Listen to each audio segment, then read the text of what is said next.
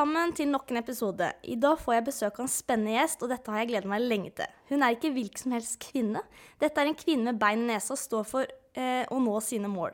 Hun er næringslivsleder og tidligere politiker, men nå er hun administrerende direktør i Maskinentreprenørens forbund. Hun engasjerer seg veldig for vårt yrke innen anleggsbransjen og tar opp viktige tema. Derfor jeg ønsker Julie Margrethe Brottkorb velkommen. Tusen takk skal du ha.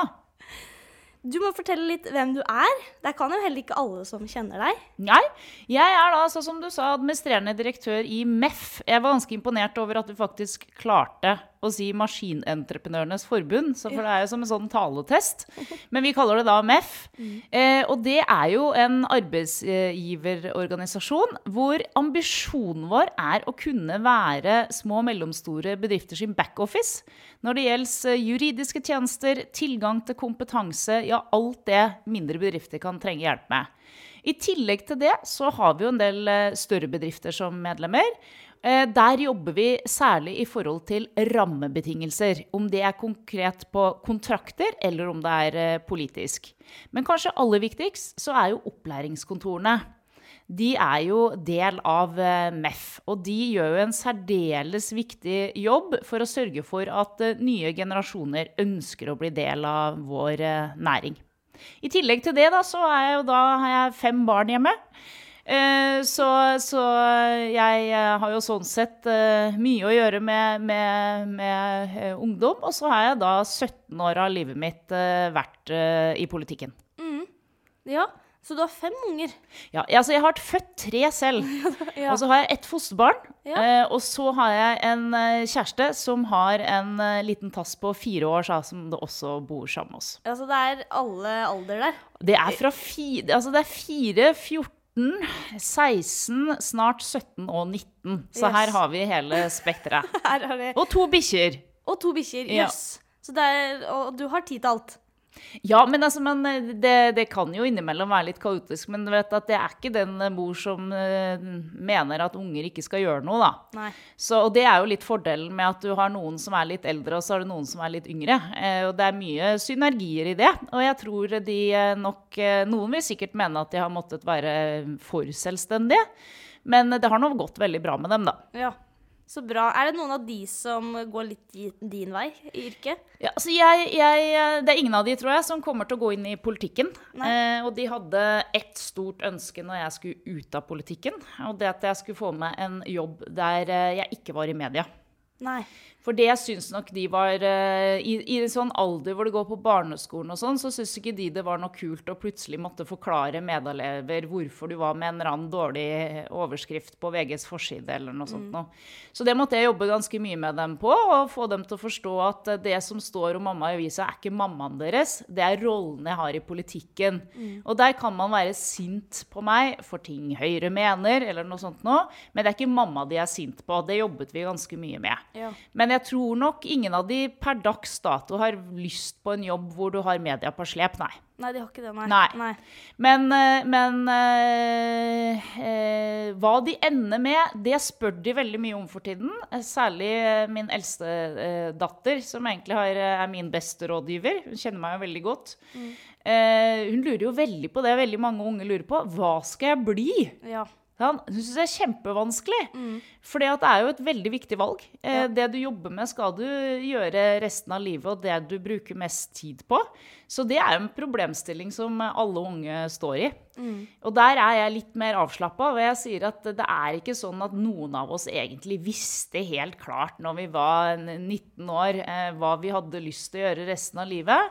Eh, Begynn med noe, og så er veien aldri stengt. Nei. Nei, jeg kjenner meg igjen. Jeg visste ikke. Jeg begynte på noe, slutta, begynte. Jeg har vært veldig sånn av og på. Så til slutt så bare tok jeg mm, Jeg var oppe i Hemsedal i friår. Og så tok jeg mm, bachelor i økonomi og ledelse. Og så fant jeg ut at eh, nei, jeg vil jo være mer ute, og så driver jeg med fagbrev nå. Så Men det er jo veldig god, for at vet, den bacheloren du har med deg, det, det er jo kjempefint å ha uansett eh, hva man ender opp å jobbe med. Og ingen lærdom er bortkasta. Så, eh, og det skulle jo jeg ønske at jeg Det er jo av og til sånn man skulle ønske man hadde et liv til. sant? For at den erfaringen man får med seg da man begynner å bli en eldre dame, skulle man jo gjerne hatt da man var ung, da. Jeg var nok en av de som hadde det altfor travelt og trodde tida gikk for meg. Men livet er veldig langt. Ja, det Ja. er jo det. Eh, For du startet som politiker, Mhm. eh, og du har jobba mye med Erna. Ja, jeg har jobbet med Erna i faktisk hele 17 år. Oi. Men innimellom der Jeg, jeg tok jo en sånn eh, veldig sikker vei i utdanning, da. Så jeg gikk på Handelshøyskolen i Bergen og ble siviløkonom. Det var litt mer ut ifra at jeg tenkte at da kan du brukes til det meste, egentlig. Så jobbet jeg i Gelmen og Kise, som er et sånn kommunikasjonsbyrå en periode. Eh, og så begynte jeg da som finanspolitisk rådgiver på Stortinget i 2001. Og da var planen min at eh, jeg skulle være der i to år, sånn at jeg kunne politikk og kunne Stortinget og regjering. Og så skulle jeg ut i det virkelige liv. Men jeg ble da der i, i 17 år. Dvs. Si jeg hadde også en periode fra 2010 til 2013 hvor jeg ledet et børsnotert kommunikasjonsbyrå. Eh, Men da satt jeg i ledelsen i Høyre som kvinnepolitisk leder. Så jeg, var- jeg var fremdeles eh, inne i Ernas eh, sfære, men på en litt annen måte. Og så kom vi jo i regjering, eh, og da fikk jeg være med på statsministerens kontor. Ja, Så du har vært med utvikling fra at hun var bare med i politikk til hun ble, sto, til hun ble statsminister? Ja. Hjalp henne liksom å jobbe med å komme dit? Ja, men det er jo det som er eh, oppgaven, da. Til de, jeg fikk jo etter hvert veldig mange eh, stillinger i, i, i Høyre. Og så kunne det sikkert være fristende å si at det var fordi jeg var så flink. Mm. Men sannheten er vel at på det tidspunktet jeg ble både kommunikasjonssjef for både Høyre og stortingsgruppa vår, og stabssjef, det var jo fordi at da lå vi jo på litt i overkant av 10 Ja. Så ingen ville jo egentlig ha de stillingene. eh, og det er vel litt sånn lærdom at eh, får du en utfordring, så ta den. Ja. For du lærer innmari mye av det. Ja. Nei, det er jo helt utrolig. Også når du, du gikk fra å være politiker til å så bli eh, MEF-leder. Ja. Eh, og hva, og hvordan fikk du til at det, Det, ble det? er egentlig, og det viser litt det vi begynte med, nemlig at eh, ta livet litt sånn som det kommer, dere.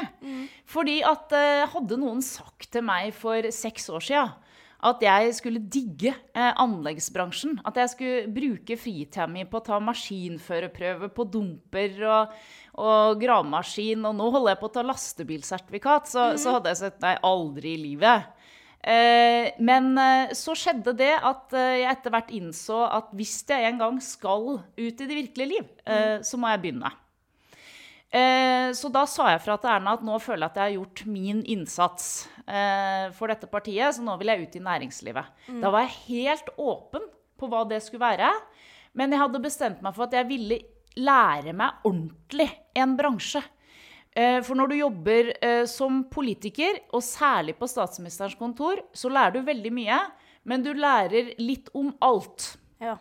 Og nå ville jeg liksom lære meg én bransje ordentlig. Og da var jeg veldig åpen, og så var jeg så heldig at eh, timingen var der at MEF skulle ha ny administrerende. ja. Og når jeg da ble kontakta av de, så, så må jeg jo innrømme at jeg tenkte at de kommer aldri til å ansette en eh, dame i, i blå drakt fra statsministerens kontor. Jeg kunne ingenting om bransjen. Nei. Men jeg syns jeg var ganske imponert over det ansettelsesutvalget. For det de sa, det var at vi er mange nok som kan bransjen.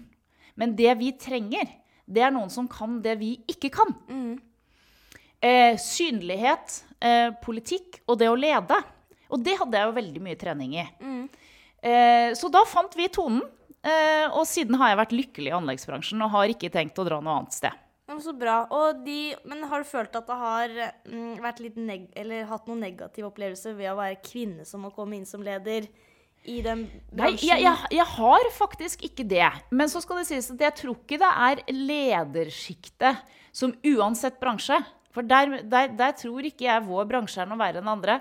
Jeg tror det er veldig farlig hvis vi som er ledere i en eller annen bransje, tror at fordi vi ikke opplever det som vanskelig, at ingen andre opplever det som vanskelig. For det er jo ikke på mitt nivå man, man opplever diskriminering og, og, og, og ting som ikke er noe hyggelig. Det er lenger ned. Men der kan jeg si at der har alle bransjer en, en utfordring. Jeg tror bransjer som domineres av kvinner, der må kvinnene tenke gjennom hva har vi av sjargong som kan gjøre at de få gutta som er her, ikke syns det er så ok. Eh, Og det samme må mannsdominerte bransjer tenke gjennom i forhold til et annet kjønn. Ja, så det er helt enig med deg i. Så det har, det har gått greit å gli inn i Det har gått veldig fint, og jeg syns det er en innmari real eh, bransje. Du vet, Jeg hadde jo da i 17 år jobba i en bransje, eh, nemlig politikk, hvor du alltid satt i møter med de du forhandla med, og så måtte du alltid gå ut og tenke OK, de sa dette, men hva er nå egentlig planen deres? Ja. Og hva kommer de egentlig til å gjøre videre? I vår bransje så kan du gjerne ha tøffe diskusjoner. Men du vet i hvert fall at den du sitter og diskuterer med, sier det den mener. Det er ikke noen doble agendaer her. Sant? En spade er en spade. Og jeg syns det er ekstremt befriende. Ja.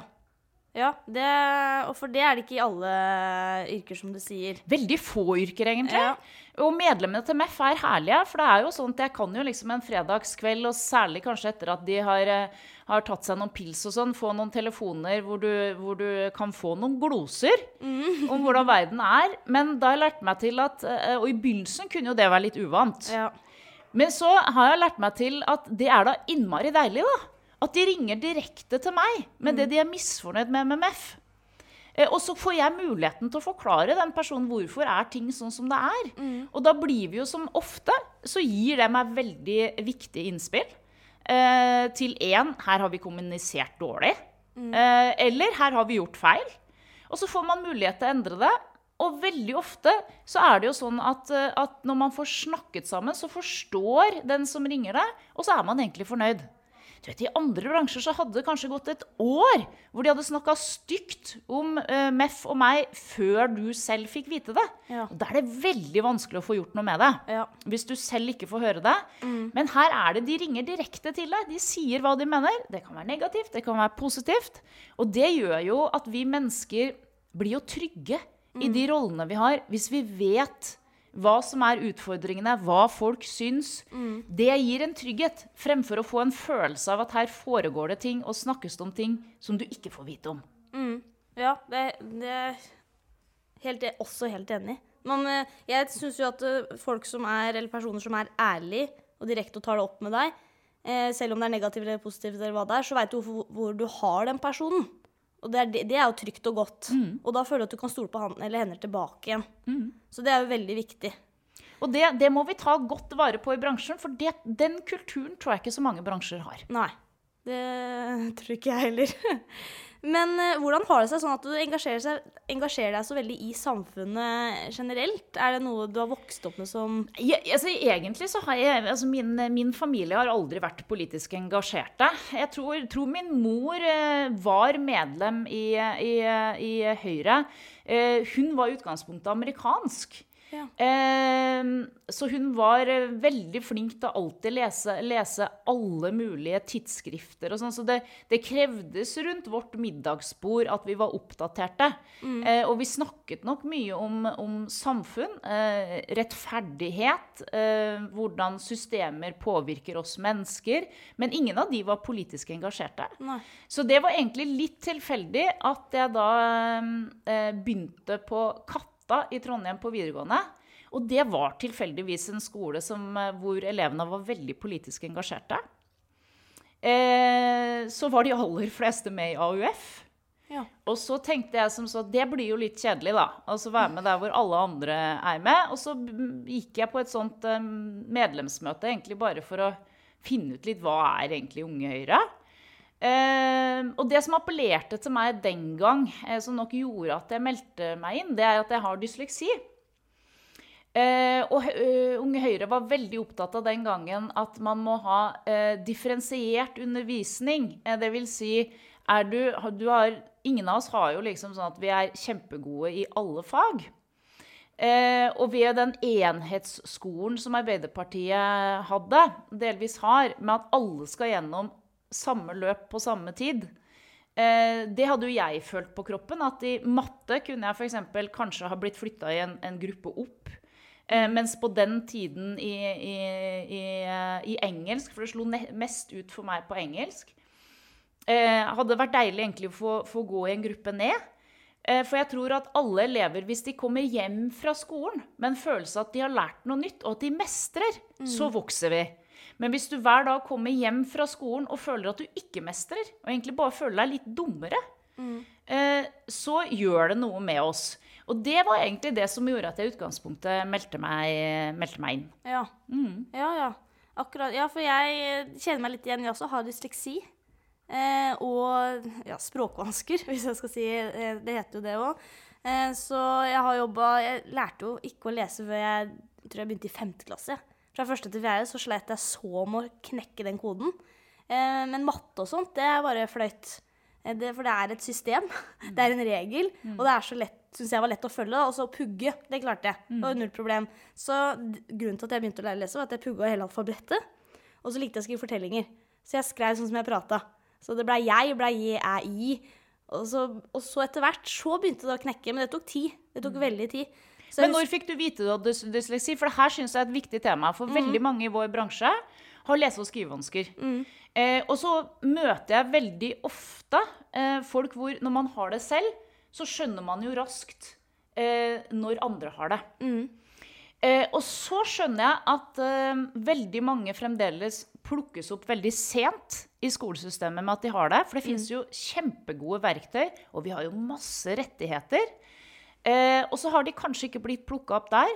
Eh, så de har ikke fått, fått diagnosen enda, og Nei. fått den til tilrettelegginga. Eh, og så sliter de med det resten av livet. Og da er jeg veldig opptatt av at husk på at er du en av de du vet du kan tingene du skal, du skal ta en prøve i, men du sliter med å få det ned på papiret, få en utredning på at du har lese- og skrivevansker, for da har du rett på å ta det muntlig. Og det har jeg sett konkret uh, ute. Det var sånn som når jeg tok sikkerhetskurs og ta, skulle ta maskinførerprøven. Han som lærte meg mest på det, han hadde jobba praktisk i bransjen i mange år, men trengte nå å få det formalisert. Han satt og lærte meg alt, og så når prøven kom, som var skriftlig, så tok han ikke opp penna. Og da skjønte jeg at jeg vet jo han kan alt, men han får det ikke ned på papiret. Men det skal ikke ha noe å si for om han får det der stempelet på at han har klart det. For da skal du ha rett på å ta det til muntlig. Ja. Og det er veldig viktig at vi får inn, for jeg tror veldig mange i vår sektor hadde fått mye mer papirer på det de kan, hvis de hadde visst om de rettighetene de har. Og at vi får bort det tabu om lese- og skrivevansker. Eh, min mor var helt fantastisk der. Det tror jeg kanskje har med at hun, hun var vokst opp i USA. Så når jeg fikk min diagnose, så fikk jeg beskjed om at jeg fikk fritak, kunne få fritak i alle mulige fag. Og så fikk hun også beskjed om at jeg tror kanskje du liksom skal prøve å rette henne inn på å bli noe praktisk. For teoretisk er det nok ikke så mye for henne. Nei. Hvorpå hun bare svarte at vet du, det her er helt uenig mm. Jenta er ikke dum. Hun må bare lære litt annerledes. Og så satt hun seg, for den gang kunne man ikke så mye om dysleksi på skolen. Så da satt hun seg ned med alle mulige bøker om dysleksi eh, fra andre land. Og så fant vi ut metoder som gjorde at i dag er faktisk min største styrke å skrive. Jeg elsker å skrive ytringer på NRK, og, rundt, eh, og jeg, eh, eh, gutta våre på kommunikasjonsavdelingen opplever veldig ofte at jeg kommer med rettelser i norsken deres når de har skrevet noe på vegne av, av MEF. Eh, Så det er fullt mulig å lære seg, men vi må lære det litt annerledes. Ja, og det, det er helt enig. Det tok litt tid for meg før de oppdaga det. Det var for at jeg fikk en ny lærer i femte klasse eh, som så det. Men eh, for det om jeg har det, så har jeg ikke Jeg vil ikke si jeg har ikke gitt meg. Jeg syns synes egentlig det en fordel, eller har vært en liten fordel for meg, fordi jeg har måttet jobbe kanskje litt hardere og enda mer, men jeg har jo i hvert fall fått det til. Jeg husker sånn På ungdomsskolen sånt, så var jeg veldig opptatt av at jeg skulle ha bra karakterer. da. Var noe som gikk opp i huet. Eh, og da skjønte jeg at ok, norsk og engelsk, der, der hadde jeg målet da å bestå i engelsk, og målet tre i norsk. Så satte jeg bare mål, enkle mål som jeg klarte å nå. Mens i de andre faga hvor ikke det var så Det var ikke rettskrivinga vi var opptatt av, sånn som i eh, samfunnsfag. Der klarte jeg å nå opp til femmeren. Men jeg satt fra etter skolen til kanskje 10-11 på kvelden for å nå dit. Men tenk så fantastisk det har vært for deg, da. For Ja. det du har lært, som veldig mange ungdommer i dag ikke lærer seg, det er at livet består av hard jobbing. Ja. Sånn, så du har fått noen arbeidsvaner som uansett hva du gjør om ti år, så kommer du til å ha en kjempefordel ved at du har lært deg til at livet er å jobbe hardt. Mm. Og det er det jeg syns er en fordel. Derfor syns jeg det er så Når folk bare sånn Ja, men jeg har dysleksi, så jeg, jeg får det ikke til, liksom. Eh, For meg så er ikke det god nok unnskyldning, egentlig. For da må du bare jobbe litt hardere. Og når du først knekker koden da, eh, så, så går det faktisk. Og da har du, som du sier, lært deg å jobbe hardere videre i livet. Mm. Så jeg klarte jo faktisk en bachelor i økonomi og ledelse for det. Ja, kjempebra. Med det. Og i tillegg så er jo du beviser på at eh, vi dyslektikere er ofte også veldig verbale. sant? For vi mennesker er jo sånn at hvis én sans svikter litt, så opparbeider vi en veldig kompetanse på det andre. Eh, Så jeg har f.eks. ikke noe problem med å kunne eh, lese gjennom, og jeg leser det gjerne inn på mobilen min, det jeg skal huske. Ja. Og så sitter jeg og hører på taler jeg skal holde, og da kan jeg gå opp på scenen uten en eneste lapp og holde den talen. Så det er mange som spør meg herregud, hvor mye må du jobbe for å lære alt dette utenat? Ikke mye, fordi jeg har dysleksi. Du er vant til å lytte og lære av det. eh, Og er, dyslektikere er veldig ofte veldig flinke til å lære seg ting utenat. Ja. Jeg tror det er noe av grunnen til at i politikken, for der er jo det å holde taler eh, veldig viktig, eh, er det veldig mange dyslektikere. Erna har det, Trine Skei Grande har det, Knut Arild Hareide. Det er en haug som har det. Jeg tror det er noe av grunnen. Ja, det, ja, det tror jeg, og det er det jeg merker også, at matte var da mitt fag. Der jeg følte meg trygg. For det er pugging. Mm. Mye pugging. Og så regler. Jeg syns jo det er deilig. Det er liksom eh, pluss er og pluss og min. Det er, du må bare følge det systemet. Det er ikke noe annet utenom. Så, men det er jo For det er jo syns jeg var interessant at du også hadde det, og kommet så høyt opp. Så det er ikke noe hinder. Det er ikke noe hinder. Og det er heller ikke noen hinder for å, for å ta en akademisk uh, utdannelse. Uh, det er jeg bevisst på. Men man må tørre å stå på rettighetene sine. Ja, det må man. Eh, og det som hjalp på meg når de først fant ut, er at jeg fikk da litt lengre tid på eh, prøver og sånt. Eh, når det var fem timer, så tror jeg jeg fikk eh, seks, eh, en Ja, time du får en time ekstra. en time ekstra og sånt, og det hjalp mye. Jeg satt jo ut og følte ikke jeg var ferdig. Så det var veldig deilig, og fikk opplest eh, oppgavene. Så det er mye fint. Mye fint. Men jeg har også lest en rekke andre saker, eh, og en ting jeg også engasjerer meg veldig i, det er shortsbruk ute i bransjen. eh, og det, det gjør du òg. Ja.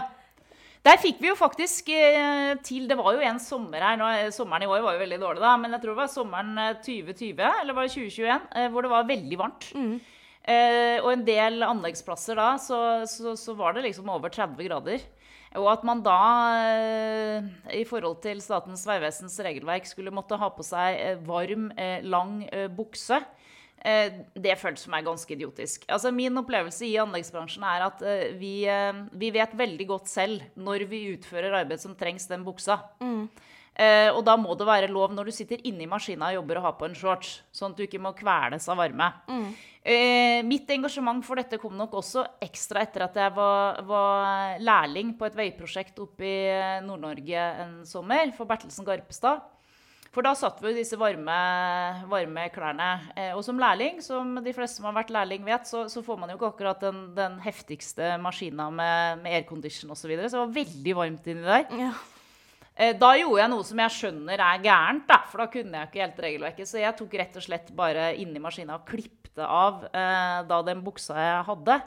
Den ble nok kanskje litt kort. Eh, men det å kunne ha en arbeidsshorts som er eh, etter eh, regelverket, det syns jeg blir eh, Det blir en litt sånn holdning jeg ofte stusser på um, i forhold til de som setter reglene for oss. Med det å faktisk respektere at, at vi er fagfolk. Vi, vi kan den jobben veldig mye bedre enn de som sitter der og lager det regelverket. Eh, og vi ønsker naturlig nok ikke å skade oss. Eh, så akkurat det på, på, på shorts, det fikk vi jo da gjennomslag for hos Statens vegvesen etter det oppslaget i, i, i VG. Ja, dere gjorde det, ja? Ja. For jeg har jo opplevd eh, mange prosjekter som ikke er lov med shorts, og jeg hater jo det, for jeg elsker å gå i shorts. Det er det beste jeg veit. Og jeg syns det er så varmt. Eh, Jeg har jo, og da er det jo no Jeg bretter jo opp. Og da er det jo noen som peker da, at man bretter ned, men uh, det hjelper i hvert fall litt. Men jeg også har jo klept av noen bukser, Uh, for å si det sånn. Det skal jeg ikke si. Eh, Når jeg kommer da Statens vegvesen ut på anlegg, så ble min erfaring den sommeren i hvert fall at da, da går du raskt inn og tar på deg arbeidsbuksa igjen. Ja, det, man gjør jo det. Men jeg er helt enig, for at det blir veldig varmt. Vi driver som sagt, Det er jo litt tung jobb, og man løfter, og det er maskiner som går. Det blir ekstra varmt. Eh, og, men faktisk jeg har opplevd på ett prosjekt hvor eh, det var påbudt med bukse. Og så jobba vi langs en fjellvegg. eh, og ikke noe vind, ingenting. Og det blei jo så varmt. Og til slutt så fant faktisk de ut, de som hadde prosjektet, at det, det, ikke, det, måtte være lov å gå med shorts og T-skjorte, for det blei for varmt. Det er liksom Når du står opp i liften der og så begynner du kanskje å få heteslag oppi der, det er ikke trygt. Nei, og det er jo også en del av Jeg er veldig opptatt av, av HMS, ikke misforstå det. Men, men det å bli for varm og ha det ubehagelig så mange timer som vi tross alt er der ute, det er ikke god HMS. Nei. Så det, god HMS er å se ut ifra den, den situasjonen du uh, jobber eh, i. Hvordan gjør vi dette tryggest? Eh, og der, der må det være lov å bruke faglig skjønn. Ja, og bruke litt sunn fornuft. Ja. Må også være ja, Man skjønner jo det etter hva, hva man jobber som, hva som er lurt å bruke. Om man sveiser eller hva man gjør, det ser man jo litt an. Men, eh, Men vi har jo mange eksempler på det egentlig i bransjen. Da, sant? At, at eh, vi, man av og til kan stusse litt på at de som sitter og bestemmer kontraktene, ikke skjønner eh, at vi er faktisk fagfolk med mye erfaring på det vi, vi gjør. Så at det så her på en brøytekontrakt oppi, opp, langt oppe i nord, hvor de nå er pålagt sant, å vaske tunneler i, i januar. Da er det altså en temperatur inne på dekket på den tunnelen på minus 10-12 grader. Det sier seg sjøl at det blir skøytebane mm. hvis du skal drive og vaske den. Men, men da er det, liksom, det står i kontrakten, da skal det gjøres. Og da er det noe med å ha gehør for at de som driver der ute, har, eh, har best kompetanse på hvordan eh, ting faktisk fungerer. Mm. Og da må det være lov å bruke sunn fornuft.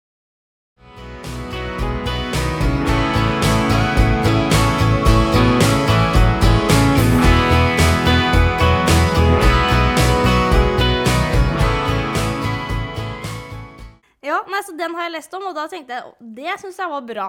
Da ble jeg litt glad inni meg. at det var noe som står. Jeg har jo også slitt litt med å- hjelm. har jeg slitt litt med. Jeg syns også den kan være irriterende så varm. Det må jeg innrømme. Eh, og så er det ikke alltid jeg ser helt fornuften når man skal bruke den. da. Det må jeg også innrømme. Jeg skjønner inni en tunnel og når man jobber, når man borer og sånt, det kan sprute sånt, men så noen ganger når jeg er oppe en svær eh, åpen salve, salve og skal eh, lade, det er åpen himmel, det er ikke maskiner, du går bare på være grus og dynamitt. Likevel må vi ha på hjelm. Men eh, ja, det er mye regler som er der, da. Det er det. Og så må vi nok da huske på at eh, det er godt ment. Eh, grunnen til disse reglene er jo at vi alle skal komme trygge hjem fra, fra jobb. Men på enkelte av disse tilfellene så, så um, er det viktig at vi får lov å bruke sunn fornuft. Men i det caset med shortsen så viste jo også Statens vegvesen at når vi bare fikk saken på høyt nok nivå, så var de enig i det. Ja. Men, eh, men det er jo også det som kan være litt trist, da. At eh, det er først når man da får en førsteside i, i VG, eh, at man får gehør.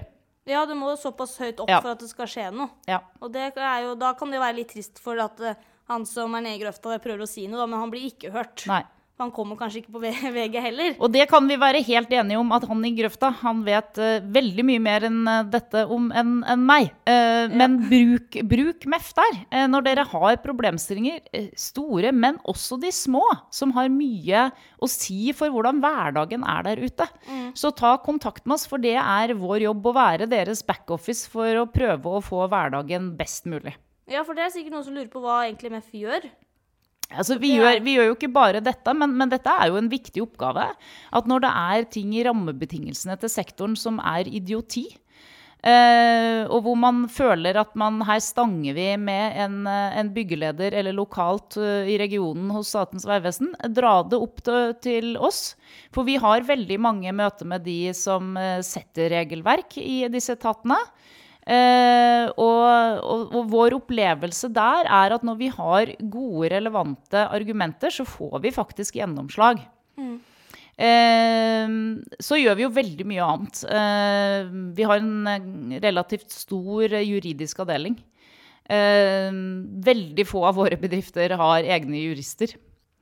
Så, så oppfordringen min der, husk er du MEF-medlem, så har, åtte, har du åtte timer gratis eh, advokathjelp. Eh, bruk den helst før du undertegner en kontrakt enn etterpå. Vi hjelper også til etterpå, men det er enklere hvis man spør før man undertegner eh, på noe. Ja, ikke sant. Da veit folk det. Ja. Det er eh, godt. Mm. Viktig at de kan kunne. Eh, du nevnte jo også at du, eh, du har maskinførerbevis. Den har du tatt.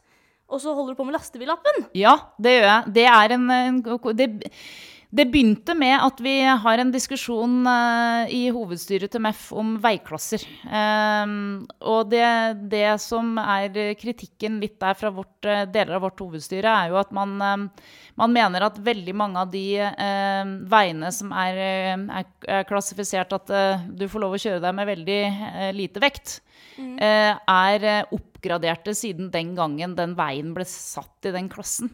Og det skaper jo sånne praktiske utfordringer. Eh, og da, da, når jeg får en sånn sak fra mitt hovedstyre, så, så må jo jeg forstå den saken. Så da eh, bestilte jeg meg læreboka eh, for eh, vogntog.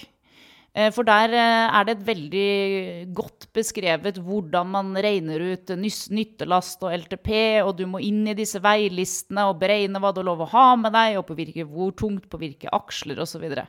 så når jeg først hadde lært meg det, så tenkte jeg at det her var jo jækla interessant, da. Så da begynte jeg å lese resten av boka. Og så tok jeg teorien, og så gikk det bra. Så tenkte jeg nå kan jeg liksom at de pliktige kursene eh, det å lære lastsikring, eh, det å lære ulykkesberedskap, det er jo egentlig jæklig nyttig å kunne. Mm. Så da tok jeg de.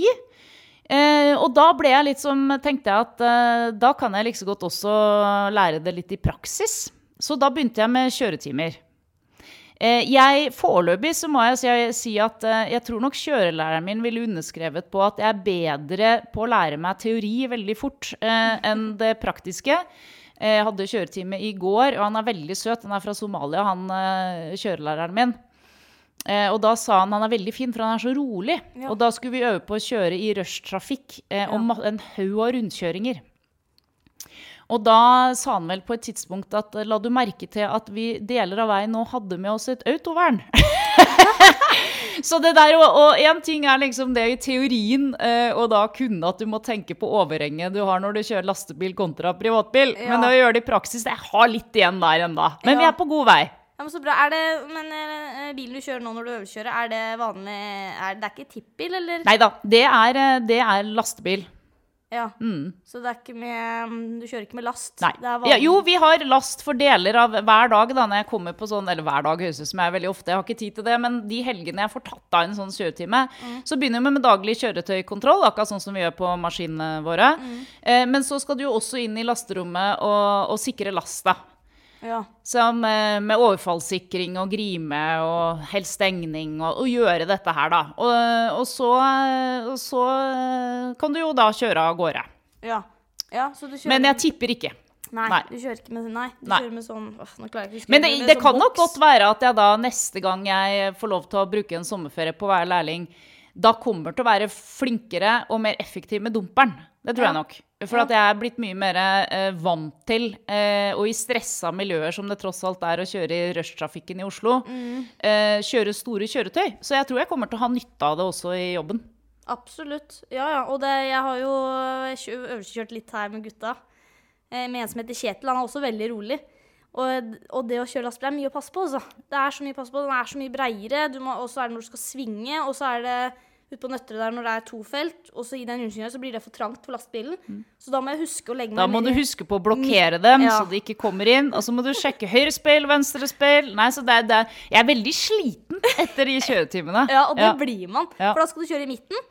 Så pass på at det ikke kommer sånne raringer mm. snikende akkurat foran deg. Mm. Eh, og så har jeg også lært at når kommer, og det å stoppe en lastebil, det koster veldig mye når den står stille. Så du skal prøve å holde flyten så du kommer til rundkjøring tenks eh, hele tida, altså skal bare skli liksom inn. Så nå er det altså, Ikke minst den der planlegginga, men jeg merker at det, det, er veldig også nyttig når man nå kjører privatbil etter å ha tatt dette ja. her. Sånn, hvor mye flinkere man blir til å uh, ikke bare sitte i egne tanker, men før du kommer til en rundkjøring, begynne å planlegge. Mm. Sånn at kjøreprosessen din blir mye mer effektiv. For det er jo som du sier, at må du, må du stoppe opp for mye med lastebil, Eh, så det, det, er ikke klimavennlig, eh, og det er eh, dårlig økonomi.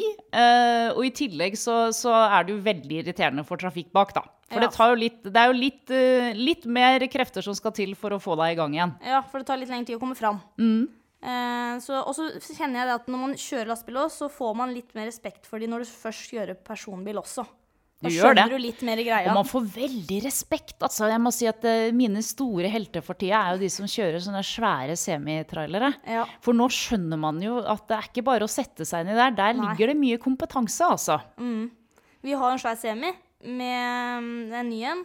Ja, nå er den sikkert noen år nå, da tida går flyr så fort. Og den har jo egen sånn eh, maskinfletthenger. Og det er jo så langt, så langt Alt blir jo stort. Eh, og når du kommer da kjørende med den eh, Den eh, Ja, jeg skjønner ikke åssen de alltid klarer det. Inn på trange plasser, rygge, sette av en dumper, graver. Og den der hengeren har jo også sånn kontroll, at du styrer hjula på den.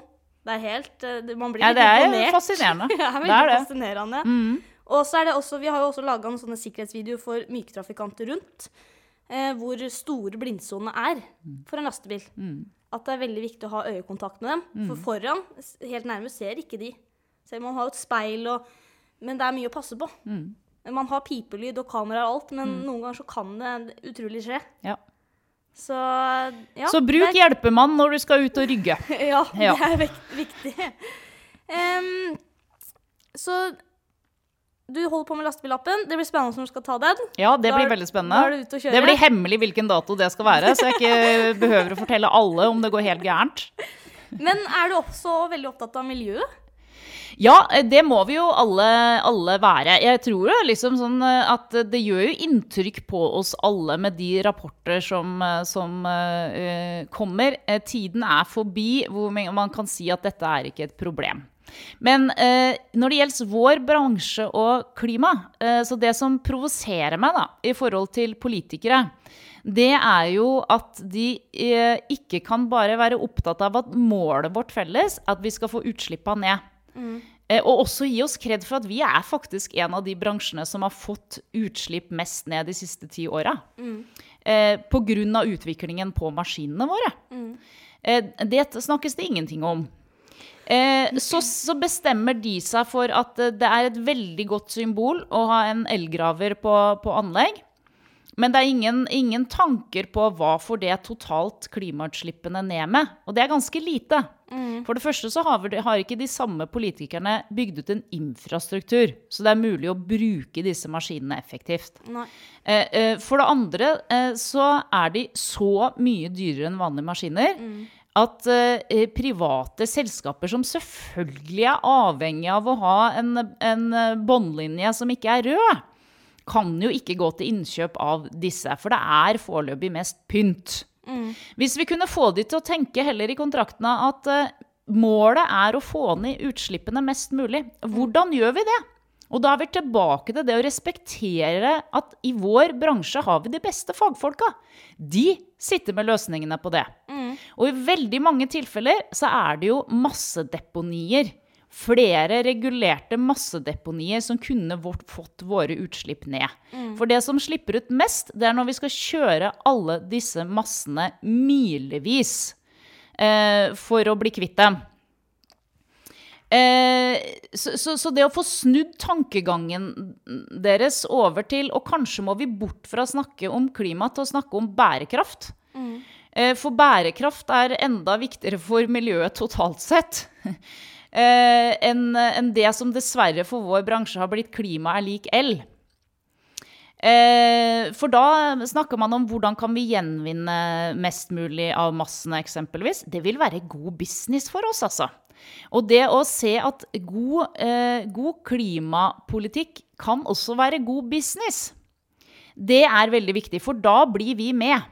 Alle entreprenører jeg kjenner, hvis eh, de er ekstremt innovative, de er veldig flinke til å tenke økonomi, de fleste av de. Eh, så hvis de kunne være litt åpnere på at målet vårt har vi felles her, eh, men så konkurrerer vi også i tilbudene på hvordan eh, får vi minst mulig utslipp, så tror jeg det hadde kommet veldig mange gode og kreative løsninger fra vår sektor. Ja, det tror jeg òg. Og så syns jeg de nye gravemaskinene på diesel er jo blitt veldig miljøvennlige. De bråker nesten ikke. Slipper veldig lite ut. De har den der autoen så med, nesten når den går, går ut, så er det etter noen sekunder så skrur den av seg. Eh, samtidig som den holder varmen. Det er jo veldig mye nytt og fint med de. Det er en veldig lite utslipp. Også de nye tippbilene Vi har to nå. Og de gutte, det er to brødre som kjører. Eh, og der er det sånn miljø Den sier fra eh, slipp eh, gassen og nedoverbakken, få den flyt. De bruker nesten ikke diesel. Nei. Så da konkurrerer de om hvem som har mest, eh, mest effektiv og miljøvennlig eh, kjøring. Da får de sånn rapp på, på dagen. Eh, på slutten av kvelden så kan de se det, da. Ja, og det er jo kjempeinspirerende. Og det er god økonomi òg, sant? Så, så dit må vi klare å komme. Ja. Så da har jeg kommet nesten mellom alle spørsmåla mine. Eh, siste er at jeg også leste en artikkel hvor du snakka om mobilbruk rundt familien. Ja. Eh, at eh, den legge, prøver å legge bort når dere har måltider og sånt. Ja, det er, jo, det er jo veldig fint med ungdom, da. eh, For de tar deg jo, sant. Så jeg var jo på alle disse foreldremøtene som alle foreldre er på, Mm. hvor mobilbruk er jo Det er jo grusomt på disse unge. Og det er jo ikke måte på hva dere sliter med pga. mobilbruk. Det tror jeg nok har litt med at vi som er litt eldre, ikke helt forstår heller hva dette er. Men da hadde vi satt en, en regel for at vi, når vi hadde felles måltider, så skulle vi ikke ha mobil, da.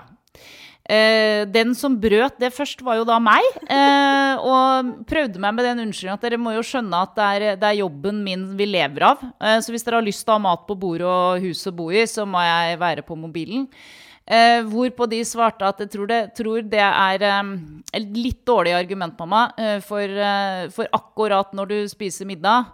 Eh, Så tror jeg fint den mobilen kan, eh, kan ligge. Og så fant vi en sånn løsning hvor de numrene som på en måte må komme gjennom til meg F.eks. har vi jo en krisetelefon i MEF. Som alle medlemmer i MEF kan ringe 24 timer i døgnet. Ja.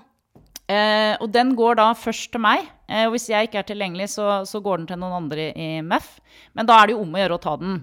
Og da sa jo de at jo, men det er ikke noen unnskyldning for å hele tiden ha mobilen ved bordet. For du kan jo bare sette på sånn at selv om, om du har på ikke forstyrr på mobilen din, så kommer det nummeret igjennom. Det, ja. Så jeg har liksom noen numre nå som ligger som kommer gjennom uansett eh, når på døgnet og, og hva vi gjør. Og jeg må jo innrømme at det har faktisk aldri skjedd når vi sitter ved de måltidene at den har ringt. Nei. Så Nei. det funker. Så det, det prøver vi, for det er jo liksom om å gjøre Jeg bruker jo mobilen veldig mye, Uh, men det er jo om å gjøre både med venner og også med familie, og særlig i forhold til barn. Nå har jeg også en fireåring rundt det middagsbordet. Uh, og, og det å ha en samtale samtidig som flere av oss sitter nede i mobilene, det er jo lite, lite nærhet i det.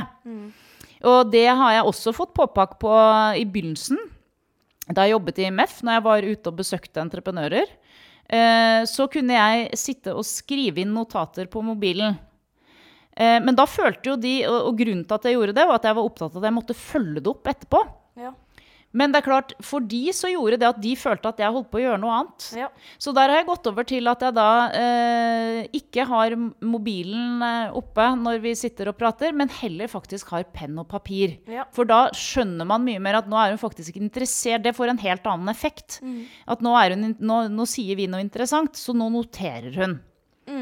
Så, så den mobilen kan ha mange virkninger på oss eh, mennesker. Ja, eh, og det, grunnen til at jeg tar opp det, er at det, det gjelder også ute, når vi er ute og jobber.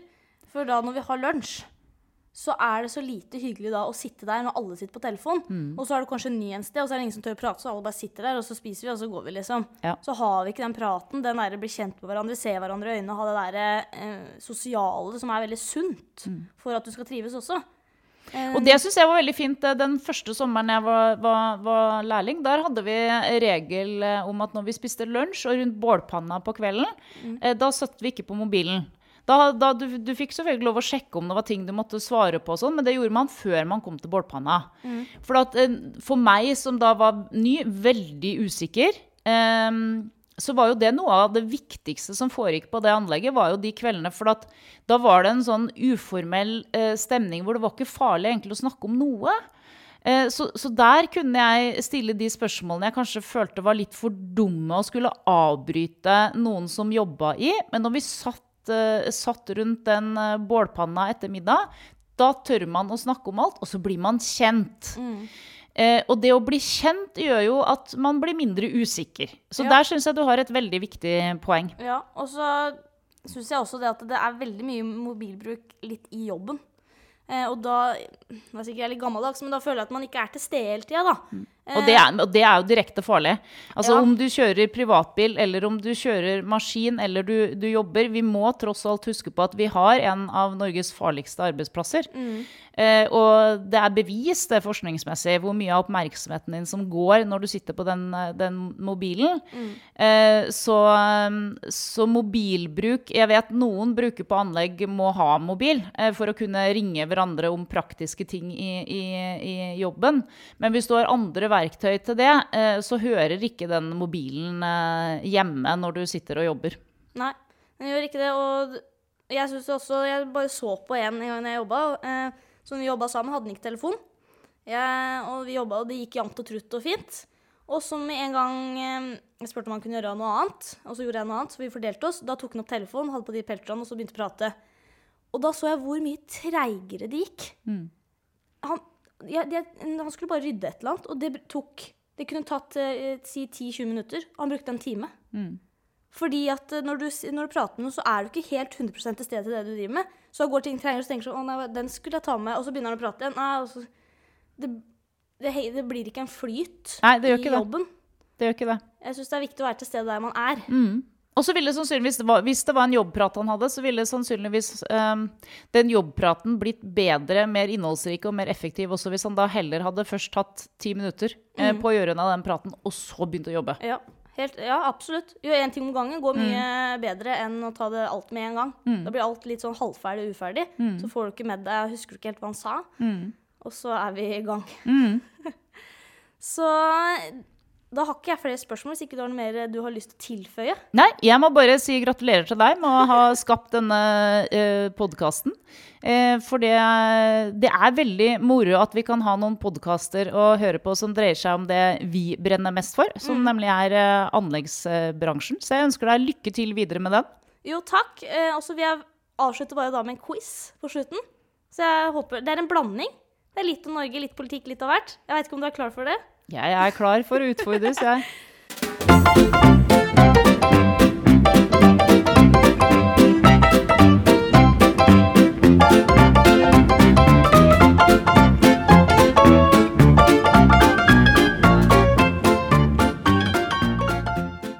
Og da starter vi med spørsmål én.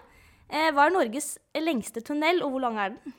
Å, herre min fred. Det burde jeg jo visst, da, med den teorien. Men jeg vet at vi har 1100 tunneler i, i Norge. Eh, Så da får du heller imponeres over at jeg kan det tallet. Så har vi 26 000 bruer. Ja. Så, Så har vi bygd 9774 eh, eh, km vei. Altså tre ganger rundt ekvator i vei har vi bygd i Norge. Oi, oi, oi. Og dette er det altså vår bransje som har klart å gjøre. Ja, og det er helt fantastisk. Hvis ikke det hadde vært for dem, så hadde vi ikke klart å komme hjem eller eh, Nei, og av gårde. ikke noe annet næringsliv hadde fungert heller. Nei, så det skal de ha. Men, uh, Men fortell meg, hva er den lengste?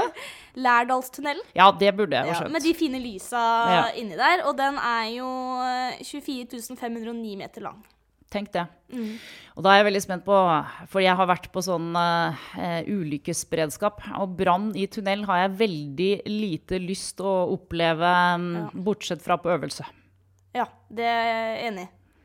Eh, spørsmål to. Eh, hvilket parti er landets eldste, og når ble den stiftet? Venstre. Ja. Vet du når den ble stiftet? Husker ikke årstallet, Nei. men det er Venstre. Ja. Det er i 1884. Ja. Det er samme året som Høyre, tror jeg. Bare de var tidligere på året, og så kom Venstre var før oss. Ja. Ja. Der hadde du i hvert fall riktig på Venstre der. Eh, og så kommer spørsmål tre. Det er litt kongelig. Skal prinsesse Ingrid Alexandra krones i en egen seremoni når hun blir dronning? Svaret på det må jo være ja. Ja, så trodde du det. ja men Men er svaret det. er nei. Hvorfor da? Det har jeg For vi kronet jo vår konge. Ja, det gjorde vi. Eh, nei, vi har ikke kroning av kongelig Norge lenger. Kong Haakon Altså, det er slutt uansett om det hadde vært henne eller, eh, eller broren. Ja. Ja. Fordi eh, eh, kong Haakon og dronning Aud ble i 1906 det siste kongeparet som ble kronet i Norge. Fordi i 1908 fjernet Stortinget kroningsparagrafen i Grunnloven. Det, det var dermed ikke noe påbud om kroning for de neste kongene, og kong Olav ønsket i stedet å bli signert i Nidarosdomen da han overtok tronen etter kong Haakon. Denne tradisjonen videreførte dagens kongepar eh, da det ble konge og dronning i 1991. Akkurat, ja. Så den er fjernet. Da vet vi det, Inger Alexandra. Men vi skal nok få feiret det allikevel. Ja, jeg håper det. Jeg ble litt trist, for jeg er veldig glad i kongelig. Ja. Sånn er det, da. Spørsmål fire. Hva er formålet med eh, byggeherreforskriften? Hva er formålet med byggeherreforskriften, du? Eh, godt spørsmål. Der må jeg mer eh, tenke meg, tenke meg til det. Det må jo være at de skal være de ansvarlige for det det utførende leddet skal utføre. Ja, det er rett og slett for uh, å bedre plan eh, planarbeidet for å verne arbeidstakere mot fare for byggeplass Ja. byggeplassen. Det er å da Ja. være ansvarlig for de som skal være utførende ledd. Ja. Men en liten sånn oppfordring til de som eventuelt hører på der òg, da. Husk at fagkompetansen ligger hos de utførende. Mm. Så ta oss med i samhandling. Helst så tidlig som mulig. ja. Um, siste spørsmål. Hva betyr det at en olje har EP-tilsetninger? EP-tilsetninger. Nei, gud, det aner jeg ikke. Har du ikke tatt maskinførerbevis? Jo, men det husker jeg ikke. Frode, min instruktør, er her, eh, her har jeg hull. Min unnskyldning er at jeg tror også nå, selv om det bare er da en måned siden jeg tok teorien på lastebil, så hvis du hadde nå kommet opp med en sånn teoriprøve nå, selv om jeg fikk 30 av 30 på den, så er jeg nok litt sånn også at jeg pugger noe jækla før. Ja, Eh, Og apropos den dysleksien, så husker jeg det. Men det forsvinner når man ikke bruker det, vet du. det gjør det. Så det er nok et, også et tegn på at hei, dere der ute, eh, få meg gjerne inn som eh, lærling nok en sommer. For at under korona så fikk jeg jo ikke muligheten til det, så det er altfor lenge siden jeg har sittet i maskin. Ja. Jeg har helt angst for tiden for at noen skal si ja, du har jo maskinførerprøven, eh, så hopp inn i maskina, så tar vi en konkurranse. Jeg vet ikke om jeg hadde klart det.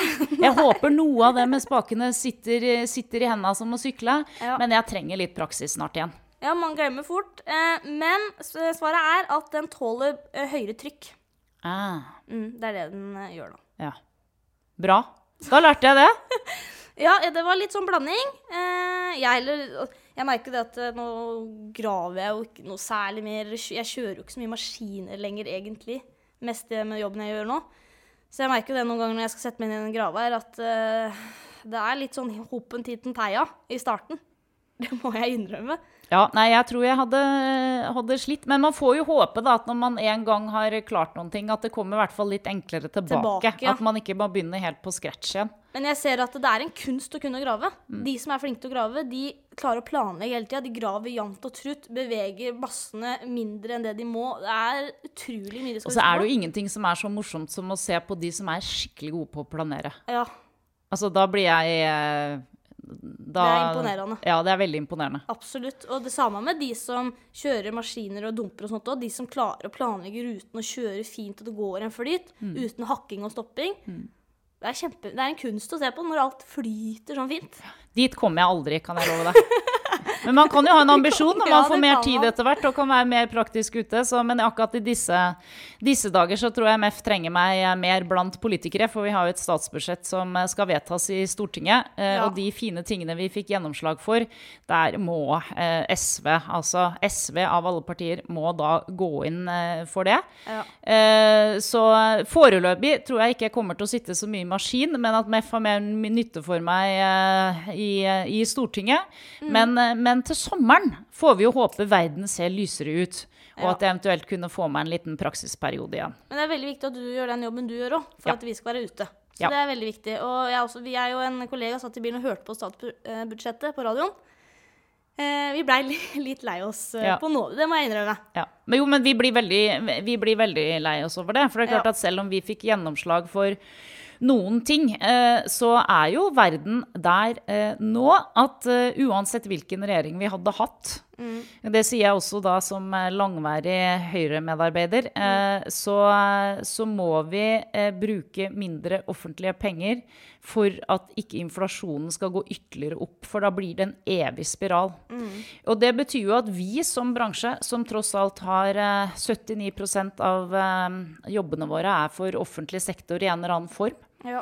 at det blir tøffere eh, tider. Det som da er viktig, er jo eh, at vi får eh, Samferdselsdepartementet til å gi signaler til, til etatene som deler jobber til oss, at det i hvert fall må være tilpassa det norske markedet. Nå ser jeg Vi har sittet her en time, vi. Ja, Så det har vært jeg skjønner jeg må lese meg litt opp mer på de kongelige. Jeg er ikke veldig opptatt av kongelige. Er du ikke det? Nei, jeg er ikke det. Jeg, jeg, jeg har ikke noe imot at vi, vi har det, men jeg har aldri vært veldig engasjert i det. Jeg syns de er hyggelige, virker som hyggelige, flotte mennesker og sånn, men, eh, men eh, der har jeg nok Der kunne du funnet veldig mange hull, altså. Jeg vokste opp med mor og bestemor som elsker kongelig, så når det har vært bryllup og alt sånt, da sitter vi tidlig og ser på alle de fine kjolene. Og mamma hun er jo så flink med navn også, så når det kommer gjestene, så er det noen ganger bedre enn de som prater. Ja, fantastisk. Og kommer opp sånn. For å tipse Se og Hør om henne, da, så kan du Ja. bli sånn kongelig reporter. Er null problem. Hun Ja. sitter reporter hjemme hos oss, og så Ja. er det noen ganger de sitter sånn Ja, dette må være Mamma har navnet sånn. Ja, Det, det flyter inn. Hun elsker det. Herlig. Så det syns vi er koselig. Ja, veldig bra. Nei, men Tusen takk for at du kom. Det var utrolig hyggelig. Dette syns jeg var spennende. Ja, tusen takk for at jeg fikk lov å komme.